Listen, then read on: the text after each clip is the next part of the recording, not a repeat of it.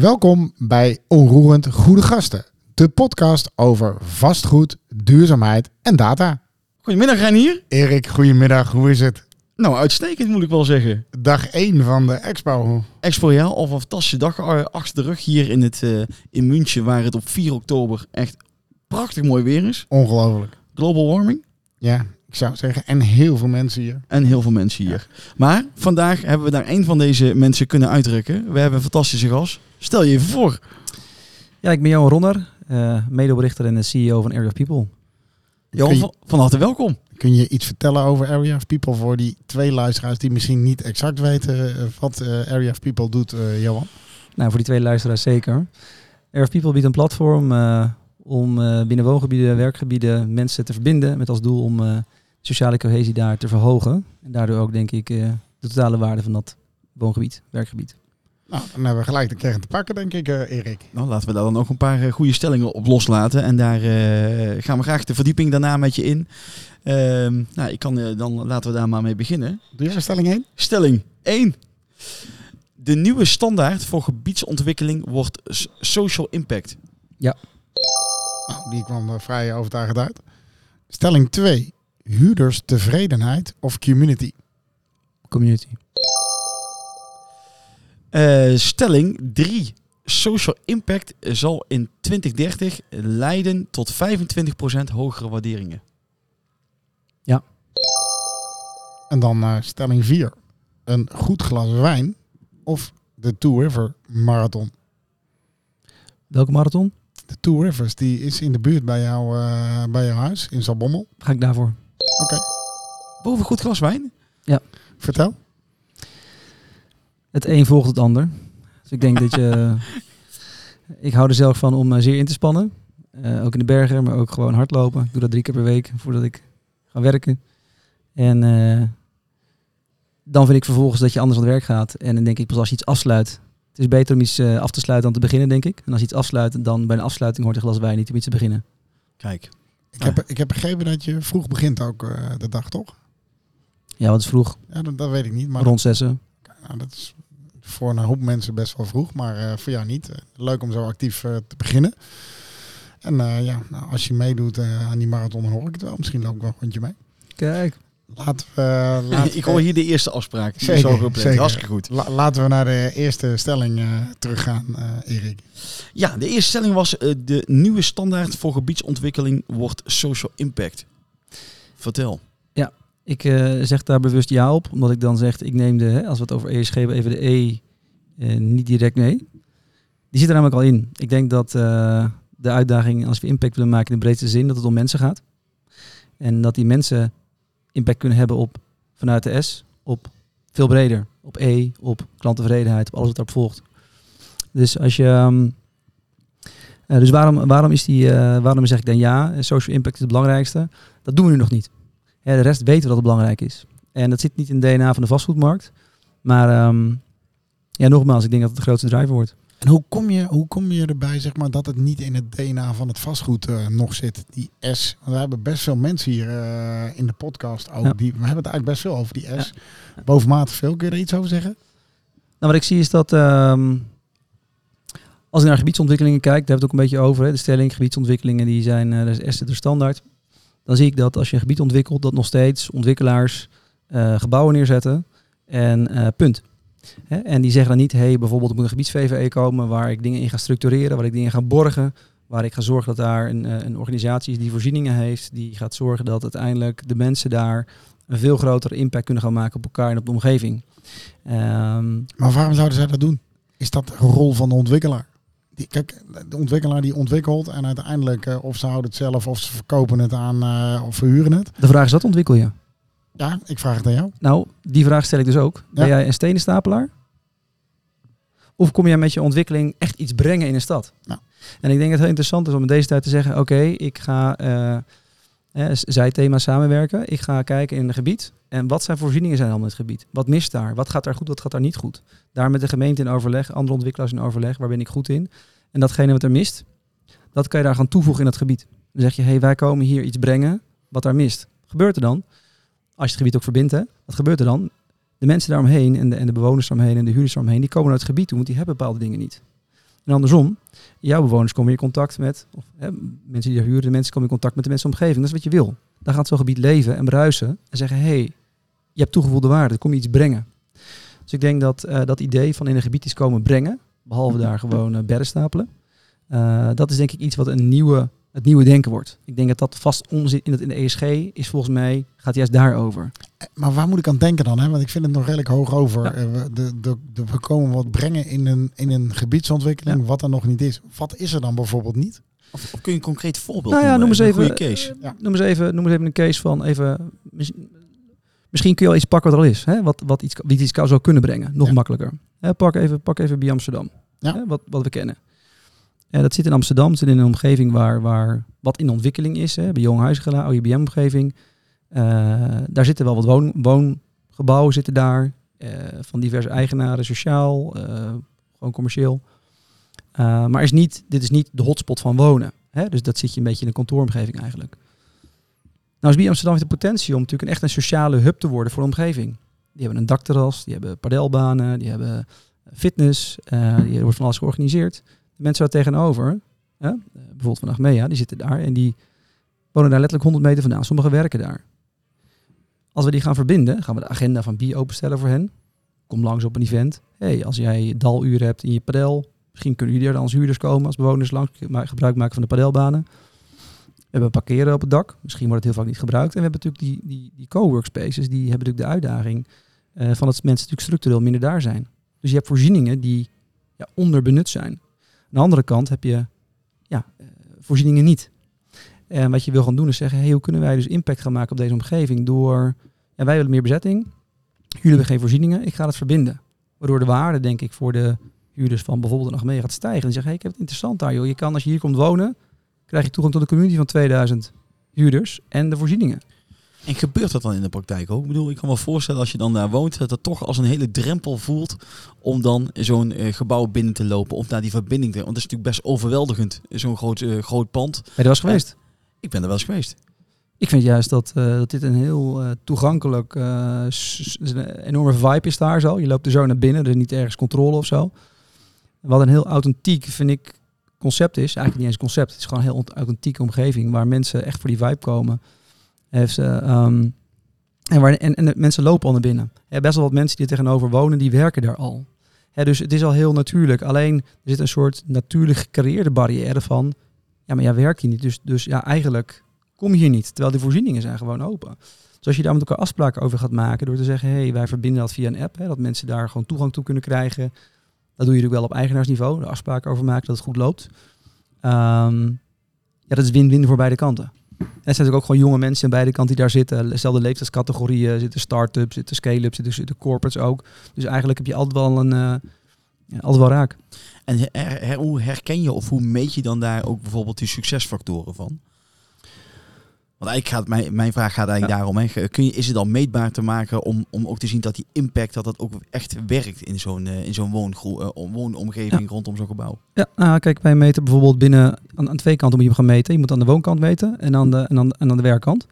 Uh, aan de werkkant weten ze natuurlijk gewoon hoeveel mensen daar op events komen. Weten ze hoeveel, hoe een benutting is van, van, van, van botte pedelbanen. Um, aan de andere kant uh, weten ze natuurlijk van, hey, wij meten bijvoorbeeld binnen, binnen gemeente, wat is het thuisgevoel, wat is de sociale cohesie. En als wij zien bijvoorbeeld dat daar interactie komt, hè, dan weten we, gaan ze verbinden. We zien dat daar, uh, dat daar discussies ontstaan, dat er, dat er gebruik van wordt gemaakt. Als we dan het thuisgevoel zien stijgen, en dat kunnen we ook uitvragen van waar bestaat het uit, waarom, waar, hè, wat, heeft, wat draagt bij aan jouw thuisgevoel, vragen aan mensen. Er komt ook kwalitatief zou eruit kunnen komen, goh, dat komt omdat wij toegang hebben tot. Hè, dus zowel qua meting kun je zien, hey, thuisgevoel gaat stijgen, als wel zullen mensen het actief gewoon zeggen. Hè? Dus zo kijken wij naar van heeft het toegevoegde waarde als wij gaan verbinden. En bepaal jij dat dan, wat er gemeten wordt? Of bepaalt in dit geval Achmea het als eigenaar? Of hoe, hoe moet ik dat zien? Wie bepaalt dat dan? Is er een framework of werk je met partijen samen? Ontwikkel je dat zelf? Er zijn eigenlijk heel veel vragen, maar kun je er iets over zeggen? Nou, Area of People is eigenlijk uh, sinds jaar en dag zijn wij begonnen met het meten van social impact uit te drukken in thuisgevoel. Want wij zagen dat er een best wel een grote afstand bestond tussen de institutionele realiteit van hoe meten wij iets en hoe, hoe, hoe, hoe bewaart een bewoner dat? Hè? Of gewoon een huurder, gewoon in de normale dagelijkse realiteit. En we zagen dat thuisgevoel een hele intuïtieve was, die je bijna nooit oneerlijk of scheef gaat invullen. Je gaat niet zeggen ik voel me thuis als het niet zo is en andersom ook niet.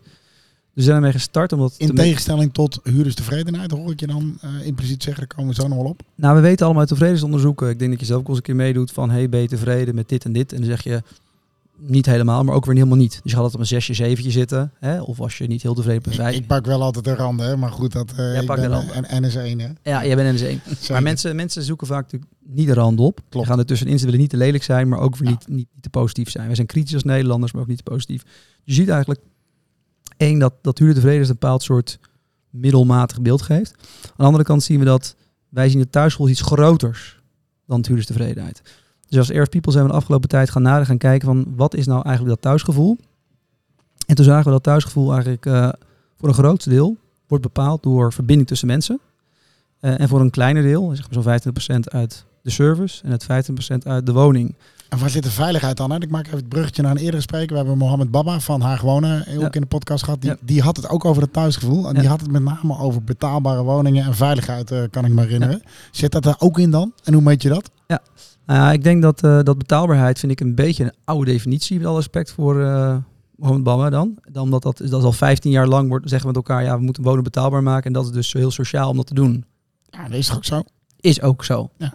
Ik zou zeggen dat is een soort hygiënefactor van wonen, om betaalbaar te maken. Ja, maar Daarvoor- als jij, je- als jij niet genoeg geld hebt, is dat wel waar het om gaat. Hè? Zo groot is het wel, denk ik. Nee, maar dat is, dat is een soort van bijna grondleggelijk iets. Anders Exact. kunnen mensen niet, niet wonen. Een dak boven jou is de Maslow-pyramide. Maslow, je moet gewoon kunnen wonen. Ja. En dan moeten we met z'n allen, en dat is ook moeten we hard aan werken om dat te doen. Dus ik, in die zin ben ik het met hem eens. Alleen, het voegt niet iets toe aan de woonbeleving zelf, zeg maar. Hè? Dus het, het moet het is gewoon voorwaarde. Randvoorwaardelijk. Snap ik. Dus ja, ehm, maar ehm, Die veiligheid. Veil- ja, veiligheid zeg maar, heeft heel veel te maken met eh, sociale veiligheid en fysieke veiligheid. En, Ja. en, en, en eh, als jij je kan verbinden met mensen, als je niet anoniem voelt, voel je je sowieso minder veilig. Hè, omgevingen waar je anoniem bent, voel je je minder veilig, los of het zo is. Hè, dus je hebt... ehm, en ook gewoon fysieke veiligheid. We zien in communities dat mensen dat ook samen organiseren. Van hé, hey, er liep iemand de buurt rond. Hé, hey, we zagen iets verdachts. Hé, hey, let even op. Dat horen we ook onder ouderen juist. Een hele belangrijke reden om in een community te zitten. Zeggen ze, hé, hey, wij, wij kunnen ook eh, er is phishing mail of een of andere probeert te slijten aan ons voor, voor het huis, let op. Ehm, dus mensen zien community als een heel belangrijk, een belangrijk onderdeel van community is veiligheid. Maar is dat dan, hè? wij hebben een straat, een straatapp. En daar gaan ook dingen, ja, er loopt nu iemand voorbij. En eh, ja, pa- pas op. Is dat dan ook een, in jouw optiek iets van een community? Alleen dan in de light versie? Of hoe zie je dat? Ja, ik denk dat, ik denk dat eh, WhatsApp heeft in die zin ons heel erg geholpen. Maar het is natuurlijk een, eh, een eerste stap voor een maatschappij om met elkaar, los wie je bent, gewoon in gesprek te gaan. Zonder dat je daar eerst een formele brief moet sturen of permissie moet vragen, mag ik met jou praten? Hè, WhatsApp heeft die drempel eigenlijk heel erg verlaagd van oké, ik kan met je praten, dus ik ga het doen. Nou, los of je het leuk vindt, maar dat is wat heeft WhatsApp gedaan. Hè, je kan heel snel met iedereen praten. En dat doen we ook graag. Ehm, nu zie je dat de maatschappij in een vervolgfase komt. Nu krijgen we een grotere uitdaging dan praten. Je moet ook dingen gaan oplossen samen. En dan moet je een omgeving hebben waar je die ook wat professioneler georganiseerd is. Eh, en dat bieden wij dan. Hè? Dus eigenlijk de 2.0 versie van WhatsApp. We komen gewoon een nieuwe fase met elkaar. Helder? Ik denk op zich dat dit wel, eh, wel duidelijk is. Eh, en dan nog even terug naar die gebiedsontwikkelingen. Want dit is eigenlijk nog eh, ook meer over een pand of een object. Maar bijvoorbeeld, noem maar wat, hè, de entree in Zoetermeer. Wat echt een gebiedsontwikkeling is. Zijn dat dan ook ontwikkelingen waar je wat zou kunnen doen? Om dat juist als gebied te doen. Hè? En dan ook de combinatie met de E misschien. Want misschien gaan die wel van de grid af. Iets wat op dit moment ook Ja. een heel actueel probleem is. Hè? En dat is dan niet S, maar wel E. Maar het kan wel gecombineerd worden. Hoe kijk je daarnaar? De gebiedsontwikkeling Zoetermeer. Kun je even toelichten aan mij wat daar precies gebeurt, waar ik iets over zou kunnen zeggen? Nou ja, d- ik mag, je mag ook eh, Zuidoost pakken als je dat. eh, het gaat er even om, om een groot gebied. Of, of pak de polder tussen de A2 en de A12, wat nog helemaal nieuw moet komen. Eh, dat is misschien wel een beter voorbeeld. Ehm, da- daar moet nog begonnen worden. Wordt een woongebied, daar komt ongetwijfeld komende faciliteiten. Hoe, hoe zouden jullie dat doen? Oké, nee, pak even, pak even bijvoorbeeld Merwede. Hè. Daar gaan wij Ja, starten. prima. Eh, wat interessant. Merwede, voor degenen die het niet kennen, Utrecht. Maar ik denk dat iedereen het wel kent, toch? Merwede, grote gebiedsontwikkeling Ja. Utrecht. Komen fase 1, 250 woningen. Eh, fase 2 nog 1750 bij. Dus in totaliteit ja, komen er bijna 10.000 mensen te wonen. Groot gebied. Belangrijk ook. ehm, sociaal. eh, gewoon middenhuur. Van alles zit erin. Vrijhuursector, koop. Wat Maar ben je erbij betrokken? zijn wij betrokken. Dat, dat gebied gaat in zich, in zich heel op Earth People draaien, zeggen we dan. Hè? Dus wij Ja. gaan al die mensen daar verbinden over naar eigenaar overstijgend, zodat het daadwerkelijk echt, zoals wij zeggen, een soort dorpje wordt, een microdorp. Maar wat is interessant, kijk, ehm, er zitten nu al, eh, al vastgoedbeleggers, zitten daar al. Zeker. Die zijn al, die zijn al daar actief. Eh, die hebben huurders, bewoners die dat gebied kennen. En daar kunnen we ook nu al starten om hen al te verbinden. Ehm, wat je ziet in zo'n Merwede is daar ook gewoon uitdagingen zijn. Eh, nou, alle kostenstijgingen de afgelopen jaren omhoog. Dus we zullen ook opnieuw over de business case moeten nadenken. Allerlei publieke voorzieningen. Wat gaan we nog wel doen? Wat gaan we niet doen? En moet er een gezondheidscentrum komen of niet? Goed, even. Dus we zullen allerlei vragen hebben waar ze antwoord op moeten hebben. Wat interessant is, normaal gesproken, gaan, hoe gaan we dat doen? Dan gaan we participatieavonden opzetten met, met, met allerlei mensen. Dat is heel formeel. Dat kun je natuurlijk veel natuurlijker Formeel en passief. ja, en passief. En wie komt daar naartoe? Vaak mensen die boos zijn. Ja. Of bang zijn dat er iets gebeurt wat tegen hun belang in is. Het heet ook gewoon een participatieavond. Het is heel, heel formeel. En ik denk dat wij zeggen, joh, er komt hier, we gaan een dorpje bouwen. En jij mag daar zo meteen op aansluiten. Ja, dat is jouw omgeving, je hoort daarbij. Dus wat wij zagen is dat die eigenaar ook naar ons toe komen van, hé, hey, wat, wat gaaf dat hier eh, ja, blijkbaar één samengevoegd gebied komt. Hé, jullie gaan alle bewoners verbinden, wat gaaf. Mogen wij meedoen? Mogen wij meedenken? Hele ander uitgangspunt. Dus die bewoners kunnen ons platform al starten met sociaal, je zou bijna zeggen placemaking. Die zijn met elkaar aan het connecten. Zijn nou eigenlijk het gebied al een beetje van het binnenuit aan het bouwen, het sociale hart. Maar vervolgens kunnen ze gewoon heel pragmatisch meedenken. Want zij wonen daar, ze zijn eigenlijk de expert over hey, welke voorzieningen, wat voor ideeën hebben we daarbij, wat zou nou niet werken of hier, wat voor ervaring hebben we ermee. Een stukje verderop zit ook al zo'n gezondheidscentrum, moet je dat nou wel doen? Hè? Of, ehm, en dat kun je gaan benutten. Wat je ziet is dat de eerste koopwoningen komen zo meteen worden afgetekend. Nou, die eerste kopers kunnen ook al toegang krijgen tot het platform, kunnen al vragen stellen die bestaande bewoners. Goh, hey, ik ben een pianist, hoe heb je een pianostemmer? Of hey, ik, een, een arts of dit. Dus die bewoners kun je al gaan betrekken sociaal bij het, het vormen van het hart. Uh, maar ook gewoon actief laten meedenken over hoe moet je ja, veel organischer zo'n gebied gaan ontwikkelen. Dus het woordje organisch is ook een term, denk ik, wat belangrijk is bij het nieuwe vorm van gebiedsontwikkeling. Je zit de broeder. Ja, nou, ik zit even denken, want wie, wie is jouw opdrachtgever in dit, eh in dit Merwede kanaal? Ja, is dat dan de, nou, is dat de gemeente Utrecht? Is dat dan de ontwikkelaar? Wie, wie, wie, is jouw, wie, wie geeft je opdracht om dit te gaan doen? Het antwoord is ja. Allemaal dus. Dat kun je allemaal. Dus uh, zowel... Maar dat betekent, want eh, ik neem niet aan dat je dat eh, eh, helemaal eh, gratis doet. Dus je, ik kan me voorstellen dat er wel een business case onder ligt eh, die ja, wel uit moet kunnen. Hoe, hoe geef je nou partijen daarmee het gevoel van, hey, als we dit gaan doen, doen we het goed? Nou, even terug naar wie de opdrachtgever zijn. Kijk, ik denk dat wat al heel erg interessant is als we meer weten, is dat daar uh, van het begin van besloten, dit moet één gebied worden. Dit moet één dorp worden. Dus we gaan een, ge gaan een gebieds gaan een stichting opzetten, wat overgaat in een soort belangenvereniging, waarbij de gemeente en de partijen ook duurzaam betrokken zijn. Dus gemeenteontwikkelaars, hè, want we hebben er daar meer, een stuk of vier. Ja, ja nou, volgens mij zijn er tien zelfs, okay. die in een eigenarencollectief zitten. En um, waarbij de gemeente, denk ik, heel positief betrokken is. Ik zit daar iets meer op afstand, hè, maar de gemeente, daar vind ik Utrecht daar heel positief betrokken. En zegt, we hebben bepaalde ambities in dit gebied en die willen we ook echt gaan waarmaken. En dat willen we borgen in zo'n gebieds-VVE, waar een organisatie achter zit, en waar wij gewoon langer termijn betrokkenheid blijven. Zodat al die eigenaren, ja, die natuurlijk heel hard moeten werken om een eigen ontwikkeling rond te krijgen, een eigen business case rond te krijgen. Zometeen die woningen te vullen. Uh, niet op een gegeven moment met de rug uh, naar elkaar staan om dat te doen. Maar gewoon uh, betrokken blijven bij zo'n gebied. En als je zeg maar ziet dat zo'n, vanuit zo'n collectief is eigenlijk opdrachtgever. En die heeft er baat bij om langer termijn doelstelling te laten borgen. Maar dan... Er zitten hier veel mensen naar, uh, uh, luisteren miljoenen mensen naar deze podcast. Nu ben ik uh, zelf daar ook voor verantwoordelijk, stel je voor dat. En ik denk dan, hé, hey, dit klinkt goed. Mm -hmm. Maar ik, ik wil nog steeds, ik ben, zoek nog steeds een beetje van, hé, hey, waar, waar ga ik, wat, wat levert mij dat dan op? Ik kan me, dat is heel, ik snap dat de vraag heel lastig is. Dan, hè? Ja, ook financieel. Ja. Nou, we begonnen te zeggen dat natuurlijk zo'n gebied waar heel veel beloftes zijn over deeleconomie, over betrokkenheid, over community. Er zijn tuinen waar je samen gebruik van kan maken. Uh, een gemeenschappelijk park. Er zijn allerlei voorzieningen die je eigenlijk samen moet delen. Ja, als jij niet, hoe, ga, hoe ga je dat samen delen? Ja, als je niet met elkaar kan communiceren, niet met elkaar kan afspraken kan maken, niet met elkaar elkaar kan bereiken, hoe kan je dan een deeleconomie voorzien, eh, runnen? Dat kan dat, niet. Maar dat snap ik wel. Maar de vraag blijft bij mij nou ook van nog overeind. Wie gaat het nu betalen? Want uh, uiteindelijk is het betaald die, die, die deler dat, hè? Die, die, die gast of die vrouw die in de community zit. Uh, hoe gaat dat dan? Hoe wordt jouw rekening betaald? Hoe wordt jouw bedrijf betaald? Nou, je ziet in dit soort constructies dat in eerste instantie het eigenarencollectief met de gemeente uh, een eerste periode betaalt. Ja, oké. Okay. Waarvoor wij zeg maar ook bewijslast kunnen, kunnen realiseren, tijd hebben om bewijslast te realiseren, ook richting de nieuwe eigenaar die, die daar komen kopen. Maar dat is dan een soort van de VVE? Dat is de, ja, exact. ja, en die zeggen, oké, okay, wij kunnen de nieuwe VVE, uh, mensen die nieuwe VVE zitten, kunnen zeggen, wij zetten het door, we zetten het niet door. Exact. Dus wij zullen dan bewijslast leveren als het goed is. Om te zeggen, dit is, dit, dit is zoveel toegevoegde waarde voor ons gebied. Dit willen wij ook individueel als eigenaren ook doorzetten. En dat kunnen ze natuurlijk wel of niet doen. Ja, dus dat betekent dat je ook de proofs in de pudding, of de eat in de pudding, want je moet wel die drie tot vijf jaar, of weet ik niet hoe lang die periode is, moet je leveren, want anders zeggen ze, ja, eh, Johan, eh ziens. hartstikke bedankt, eh, de Ja. groeten. Maar dat is natuurlijk alles zo. Dus je kunt, contracten zijn in die zin nooit helemaal geforceerd. Hè, je kan ook van energieleverancier kan je, kan je wisselen. Ja. En, eh, Ja, ja, kijk, ik kan me heel goed voorstellen als je dit zeg maar de hotspot maakt van het Merwede kanaal door die community zo neer te zetten, dat daar zoveel mensen willen gaan wonen omdat ze het fantastisch vinden, dat dat op een gegeven moment waarde, eh, heel veel waarde gaat toevoegen. Of, eh, dat kan ik me heel goed voorstellen. Maar dat, ik, we, we spreken natuurlijk heel veel rondom de S. Het kan, ik kan me ook voorstellen dat we zeggen, ja, we gaan in ieder geval beginnen. En let eens op, kijk, als je kijkt naar die, naar die verhuurprocessen, de verkoopprocessen. Ehm, dan had een website, er zijn hier bewoningen, punt.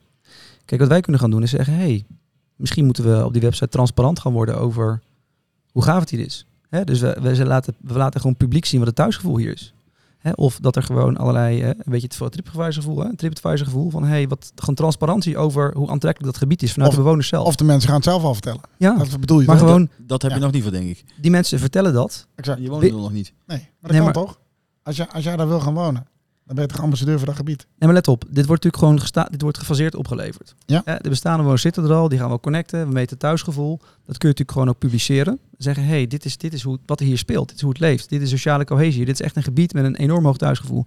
Ja, ik zou dat, als ik ontwikkelaar was van de daken schreeuwen van dit is hier wil je zitten.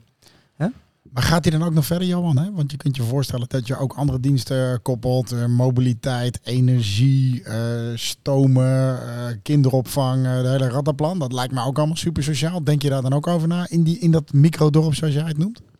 Nou, willen alle relevante partijen die daar ook in dat gebied zelf zitten, een plek geven binnen het platform. Ook direct met de bewoners te kunnen communiceren en een dienst te kunnen aanbieden. Maar dat faciliteer je dan of dat, dat organiseer je dan of dat laat je aan, aan andere partijen? Gewoon even kijken, hoe regel je dat? Nou ja, kijk, ik bedoel, wij, zijn niet, wij contracteren zo'n deelmobiliteitspartij niet op Merwede. Nee. Dus wij zijn niet verantwoordelijk voor hun. We hebben, we hebben geen SLA met ze. Nee. Alleen, ja, we kunnen natuurlijk ook daar uiteindelijk 30 communicatieportalen hebben. Maar het is goed dus daar één, dat in ieder geval één omgeving is waar iedereen vertegenwoordigd is. Dus wat er wel gebeurt is dat wij geven een loketje, zeg maar, in het platform. Daar kunnen ze langs communiceren. En dat in die zin is transparant. Dus de partij, die, de contracterende partij, de gebiedsVV, kan natuurlijk ook zien wat zij zeggen. Ja. En als dat in een losse omgeving zit, niet. Dus dat is natuurlijk heel prettig als dat natuurlijk gewoon... Ja, als het goed is, is dat alleen maar extra reclame. En als het niet goed is, kun je erop sturen. Ik denk dat dat ook het voordeel weer is van... van worden de, de voorzieningen... En die me, daar meten we ook tevredenheid op. Hè? Wat vinden mensen van die voorzieningen? Vragen we mensen A, benut je ze? B, hoe vaak? En C, eh, ben je er blij mee? Dus als dat zeg maar wijzigt, doordat bijvoorbeeld bewonerssamenstelling wijzigt, zie je ook op een gegeven moment daar trends naar beneden gaan. Dan kun je als, als ge- gebied zeggen, hé, hey, we gaan daarop ingrijpen, want die voorziening die dient zijn doel niet meer. En als we dat dan even doortrekken naar eh, de tweede stelling die, eh, die we hadden, huurderstevredenheid of community. Ja, maar ik wilde nog, sorry dat ik Ja? Ik wilde nog één ding eh, weten. En ja, we staan hier lang bij stil, maar het zegt ook genoeg, hè? Want dat betekent dat we dat wij het ook nog soms ingewikkeld vinden. Dus daarom is het goed dat we daar ook wat langer op, op doorgaan, denk ik. Ehm, dat, dat was eigenlijk even wat ik nog wilde zeggen. Maar ga verder met die tweede stelling. Nou ja, ik dacht om even het bruggetje ook te maken. Huurderstevredenheid eh, versus community. Jij zei duidelijk eh, community. Ehm, wat is daar dan het verschil, het verschil tussen uiteindelijk? Community is veel groter dan huurderstevredenheid. Huurderstevredenheid gaat over, ik ben tevreden met de dienst wonen. Dus je, je kan tevreden zijn met een service die jou wordt geboden. Hè, ik ben tevreden met. Je zegt niet, ik ben tevreden met de community. Weet je wel? Dat is een beetje gek om dat te zeggen. Dus je bent als community ben je tevreden met de kwaliteit van de woning. Of je bent tevreden met de deel, dienst, eh, deelmobiliteit. Ehm, Alleen... dat, daarmee zeg je eigenlijk, hè, zeg maar, stel mijn, eh, mijn, eh, mijn woning valt wat tegen, dan kan de community dat goed maken. de community, nou ja, ik ga maar voor jezelf na. Weet je, als jij natuurlijk in een heel luxe hotel zit ergens en, eh, en je hebt alleen maar slechte ervaring met hoe je behandeld wordt en hoe, hoe, de vibe daar is, zeg je, nou, ik ga liever op een camping zitten waar het gezellig is, even heel extreem, waar mijn kinderen naar hun zin hebben, waar ze leuk kunnen spelen, waar het gezellig is, dan waar je in, waar je in een van de huis zit waar het eh mooi is. Ik bedoel, ik zou geen camping gaan bouwen, hè, maar even terug naar het thuisgevoel. Wat we dus zien is dat thuisgevoel, of mensen zich thuis voelen, vind ik fundamenteler als ben je tevreden.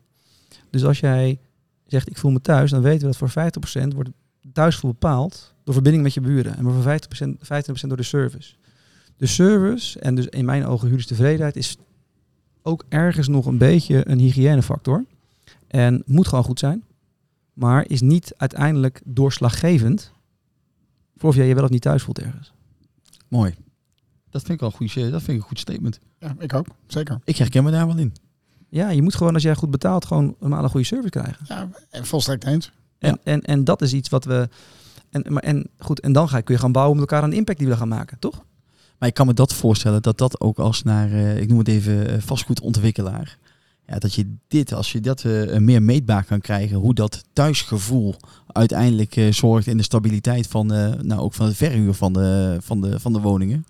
Ja, dat dat uiteindelijk wel tot die, nou ja, ik zou bijna een bruggetje maken naar de laatste Naar, stelling. naar de waarde. naar de waarde. Ja, met die verstanden denk ik ook dat het verschil is of dat de ontwikkelaar is of de belegger. Want de belegger die krijgt die woningen uiteindelijk lang- langjarig in, eh, in beheer. Dus daar zit natuurlijk ook nog wel iets. Ik wil nog iets over zeggen. Ik denk dat het juist voor ontwikkelaars in deze tijd, waarin je heel goed moet nadenken over je, hoe jij, waar je in investeert, wat het oplevert, dat ik zou als ontwikkelaar ontzettend graag willen weten, wat vinden mensen nou van mijn product? Helemaal Wer- werkt eens. dit? En ze, en, ze, en ze weten het dus eigenlijk niet. En ik denk dat als jij langer aanblijft, of in ieder geval technisch wat, gezien wat vinden we van mijn product dus meer dan de woning? Ja, eh, zeker. Dus bijvoorbeeld als jij een product hebt gemaakt wat bijvoorbeeld ontmoeting moet, moet faciliteren, dan wil je ook weten, waar gebeurt dat? Doen ze dat daadwerkelijk ook? Exact. Eh, ik heb gekozen voor een kle- kleinere woonruimte en iets meer publieke, publieke voorzieningen. Wordt dat gewaardeerd, ja of nee? En waar wordt het gebruikt en wanneer en door wie? Verandert dat? Ze weten het niet. En ik denk dat eh, ik zou als ontwikkelaar willen weten, waardoor jij gewoon je producten steeds beter kan maken, om ze beter te laten aansluiten op de uitdaging van deze tijd. We, we moeten het hier behouden. We gaan nog even naar de laatste stelling. ehm, over die eh, 25% hogere waarde in 2030. Maakt even niet uit welke Hmm. periode. Hoe zie je die koppeling? Zie je die nu al gebeuren? Door jullie microdorpen dat de waarde van het vastgoed stijgt. Ik heb binnenkort gesprek met een bank, niet nader te noemen, gewoon bank. En die zijn actief aan het nadenken van wij willen niet alleen maar onze financieringsvoorwaarden af laten hangen eh, of iets van de, van de technische duurzaamheid van een gebouw, maar ook van de sociale duurzaamheid van een gebouw. Eh, het aanbod voor financieringen is veel groter, de- vraag om financiering is veel groter dan wij daadwerkelijk zullen gaan, gaan geven. Dus wij kunnen heel ons permitteren om selectief te zijn. En vanuit dat oogpunt willen we zeggen, we willen gewoon gebouwen financieren waar er een hoge sociale cohesie is, waar een hoog, die echt iets toevoegen aan de maatschappij, waar sociale impact wordt gemaakt. En anders financieren ze überhaupt niet. Dus in andere woorden, ehm, eh, ik denk dat we echt heel snel naar een omgeving zullen gaan waar, waar wij met elkaar zeggen, ja weet je, technische duurzaamheid, dat is ook eigenlijk gewoon bijna iets wat je... eh, Ja, dat wordt, wordt kan zoals zelf zei, hè, dat wordt ook de hygiëne. Wordt ook de hygiënefactor, dat is Maar gewoon... Een bank wil, is toch ook wel altijd alles meetbaar willen maken. Ja, zeker. Dus Dus die dat, wil, dat is- dat- hoe ga je dat doen? Hoe kun, je, hoe kun je dan een bank helpen om dat meetbaar te maken, waardoor zij inderdaad ook beleidsmatig daar een goed standpunt over kunnen innemen? Dat is de kracht, dat is de kracht van eenvoud. Kijk, als, jij, als jij een bank bent en je wil zien in al jouw beleggingen, en je kan kijken, ik heb, ik heb een één dashboard waar ik zie in al mijn beleggingen, waar is de sociale cohesie, die meten we ook. Sociale cohesie is A eh, en het thuisgevoel is B, eh, ten opzichte waar het niet is. Ik denk dat je, en daar kun je ook je, huur, je verhuurcijfers naast leggen, hè, daar kun je huurprijzen naast leggen. Ehm, nou, ik denk dat, eh, nou goed, over betaalbaarheid misschien kan het weer raken, maar ik denk even los, als het puur even over de sociale, het sociale stuk kijken, ehm, kunnen ze op grond van die cijfers bepalen. Als jij die sociale cohesie hebt en dat thuisgevoel, dan krijg je van mij die En- financiering. En moeten ze dan, de, want ik kan me wel voorstellen dat je dan die hele portefeuille eerst inzichtelijk moet maken wat, wat je hebt, wat je gefinancierd hebt, om vervolgens eh, het eerstvolgende aanvraag daar goed op te kunnen beoordelen. Dus waar start je eigenlijk? Nou, kijk, we hebben een platform waar nu zo'n 40.000 bewoners al dagelijks die sociale cohesie meetbaar maken. Eh, daar zitten best wel veel, de meeste beleggers ook in, aardig wat woningcorporaties. Uh, dus je kan natuurlijk al, daar hebben we gewoon een benchmark op staan. Dus begin gewoon, ik denk dat je niet met een heel zwaar beleid moet starten, maar zeggen, joh, je krijgt 0,1% eh, rentekorting eh, als jij 10% boven de benchmark scoort. Noem eens iets. Ja, dan ben je gewoon heel ver bezig. En dat ga je op een gegeven moment steeds verder met elkaar nuanceren als je daar meer data op hebt, als je daar meer inzicht op hebt. Maar je moet ergens starten. Helder? Ik denk dat we naar de traditionele laatste vraag gaan, eh, Erik. Die mag jij altijd doen. Die mag ik altijd doen, hè? Ja. Hey, eh, mooi gesprek. Dank je voor jouw inspirerende, eh, inspirerend verhaal. Ehm, afsluitend altijd de traditionele vraag. Wie zou je graag willen uitnodigen voor de podcast en wat zou je hem of haar willen vragen? Nou, ik denk, eh, ik moet even denken zelf aan Bas van Veghel. Eh, Bas, is uh, mede-eigenaar van COD. Hè, COD, Timeless, woningen, maar ook bij Amsterdam. Hè. Dus je ziet eigenlijk in de hele keten kan hij impact maken. Um, dus mijn vraag zou eigenlijk ook zijn aan, aan Bas van oké okay, Bas, uh, gezien zeg maar jouw profiel en jouw DNA. Um, ja, wat is jouw plan om uh, met jou, uh, om jou om de komende drie jaar die social impact te gaan maken? Om te zorgen dat het werkelijk die 30% zeg maar gestalte gaat krijgen. Helder. We gaan Bas gaan wij, gaan we uitnodigen. Leuk. Superleuk. Hey Johan, nogmaals ontzettend bedankt voor jouw inspirerend verhaal. Reinier, ja. We, we, wensen je nog een hele mooie expo toe. En we, we, wensen onze luisteraars toe dat ze dit met veel plezier luisteren op de welbekende podcastkanalen. Dankjewel, Johan. Dankjewel.